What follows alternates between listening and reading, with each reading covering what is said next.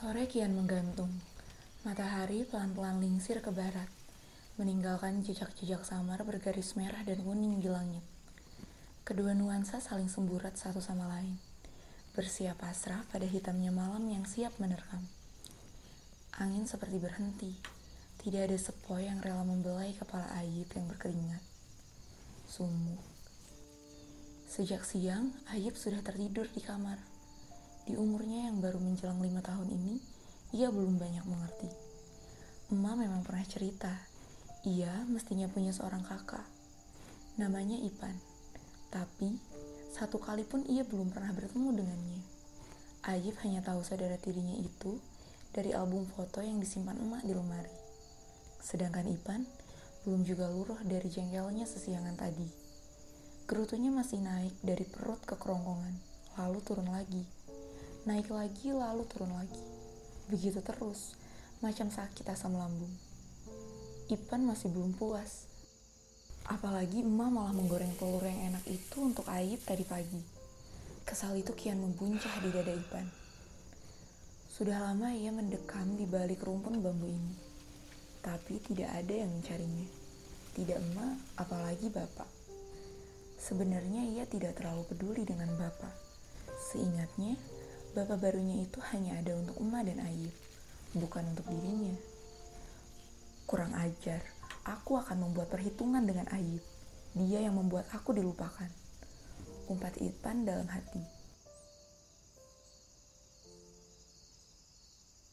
Kini, Ipan mengendap-endap ke jendela kamar. Dilihatnya, Ayib terlelap. Matanya lalu mencari sosok emak. Sepertinya, emak masih saja sibuk di dapur. Entah apa yang sedang dikerjakannya.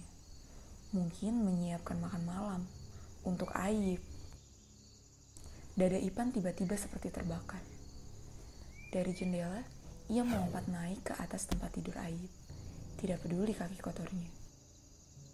Lupa pada omelan emak yang dulu selalu diterimanya bila ia naik ke kasur sebelum mencuci kakinya sampai bersih. Disibaknya selimut Ayib sedikit, sampai leher Ayib terlihat jelas olehnya. Leher itu bertitik-titik keringat. Sebagian sudah mengucur ke bagian dada Ayib, sebagian lain baru siap-siap menguncur. Kaos oblong Ayib basah bersimbah peluh. Matanya lelap terpejam. Sementara jari-jari Ipan mulai mengeras. Bayang-bayang tangan Ipan di dinding membuat Ipan sendiri heran betapa dirinya bisa seseram itu. Tapi peduli apa? Tiba-tiba ada suara emak. Lalu terdengar langkah-langkah kaki menyeberang ruang tengah ke arah kamar. Ipan kaget. Ia melompat kembali ke jendela lalu menghilang. Emak menyibak gorden pintu kamar dan heran melihat jendela kamar Ayib terbuka. Sementara tirainya masih tertutup. Selembar kain batik lusuh yang ia gunakan untuk menutup jendela kayu berjalusi itu seperti melambai-lambai. Ketika melihat ke bawah, napas emak hampir berhenti. Di spray ada sepasang jejak kaki kecil. Emak hampir berteriak, tapi kemudian membekap mulutnya sendiri. Emak tidak mau membuat Ayub kaget. Emak mencoba menelan ketakutannya sendiri. Sambil menahan tangis, Emak ikut naik ke tempat tidur Ayub. Di dekatnya anak itu erat-erat. Tiba-tiba ada suara ketukan di depan pintu. Lalu kedua kali. Emak dan Ayub masih terdiam tertegun. Waktu merasa mengalir lambat, seperti menunggu sepi yang teramat panjang. Tak lama, ketukan itu terdengar lagi. Kali ini disusul suara bapak.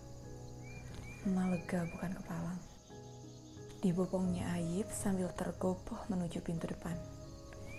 Melihat emak yang gemetar dengan Ayib di gendongannya, bapak jadi amat khawatir. Di peluknya mereka berdua.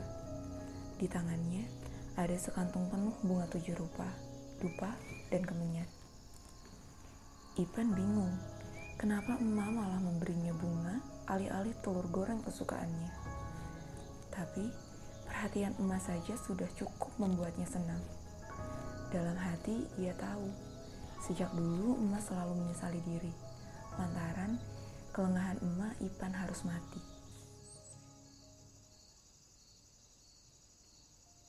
Ipan menggosok-gosok hidungnya yang tak gatal.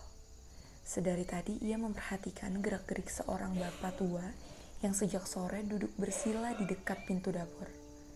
Bapak tua itu seperti merapal sesuatu di depan tungku kecil yang mengeluarkan asap berbau kemenyan.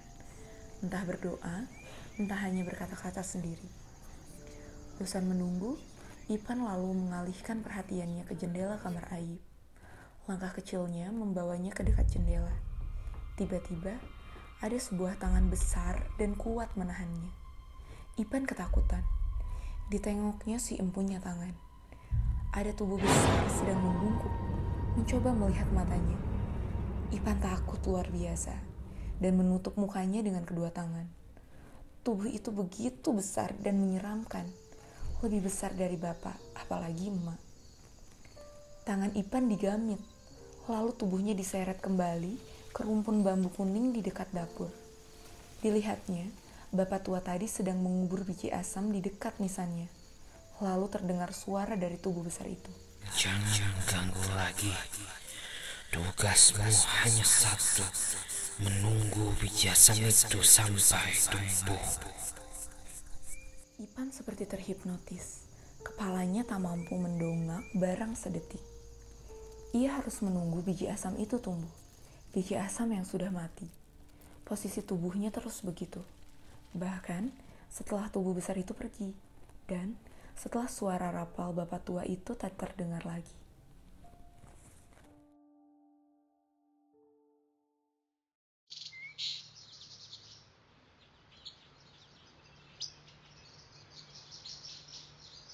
Rumah emas sekarang terlihat tenang. Rumpun bambu kuning di samping dapur masih seperti dulu. Nisan Ipan juga selalu bersih terawat dan ditaburi bunga.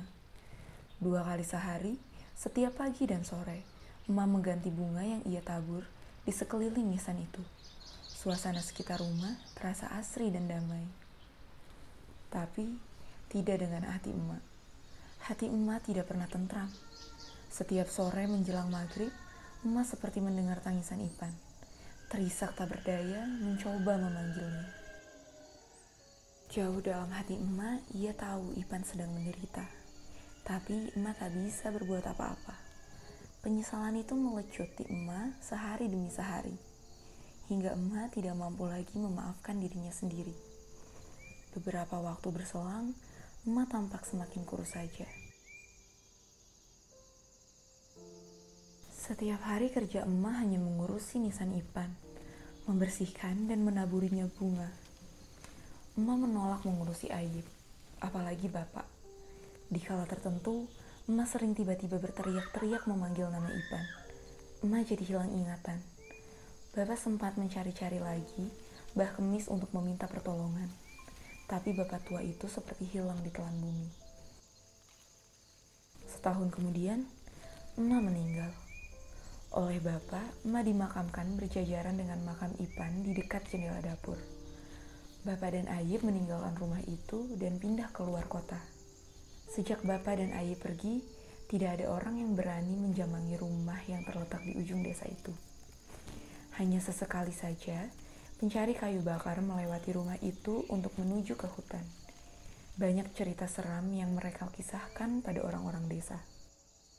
Katanya, Terkadang mereka melihat sosok perempuan yang sedang mengusap-ngusap punggung seorang anak, tepat di dekat rumpun bambu kuning yang kini tumbuh lebat, berselingan dengan semak belukar dan tanaman rambat yang tak terurus.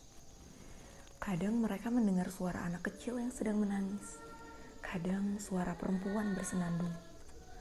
Lagunya lirih, seperti lagu yang sering dinyanyikan seorang ibu untuk menidurkan anaknya.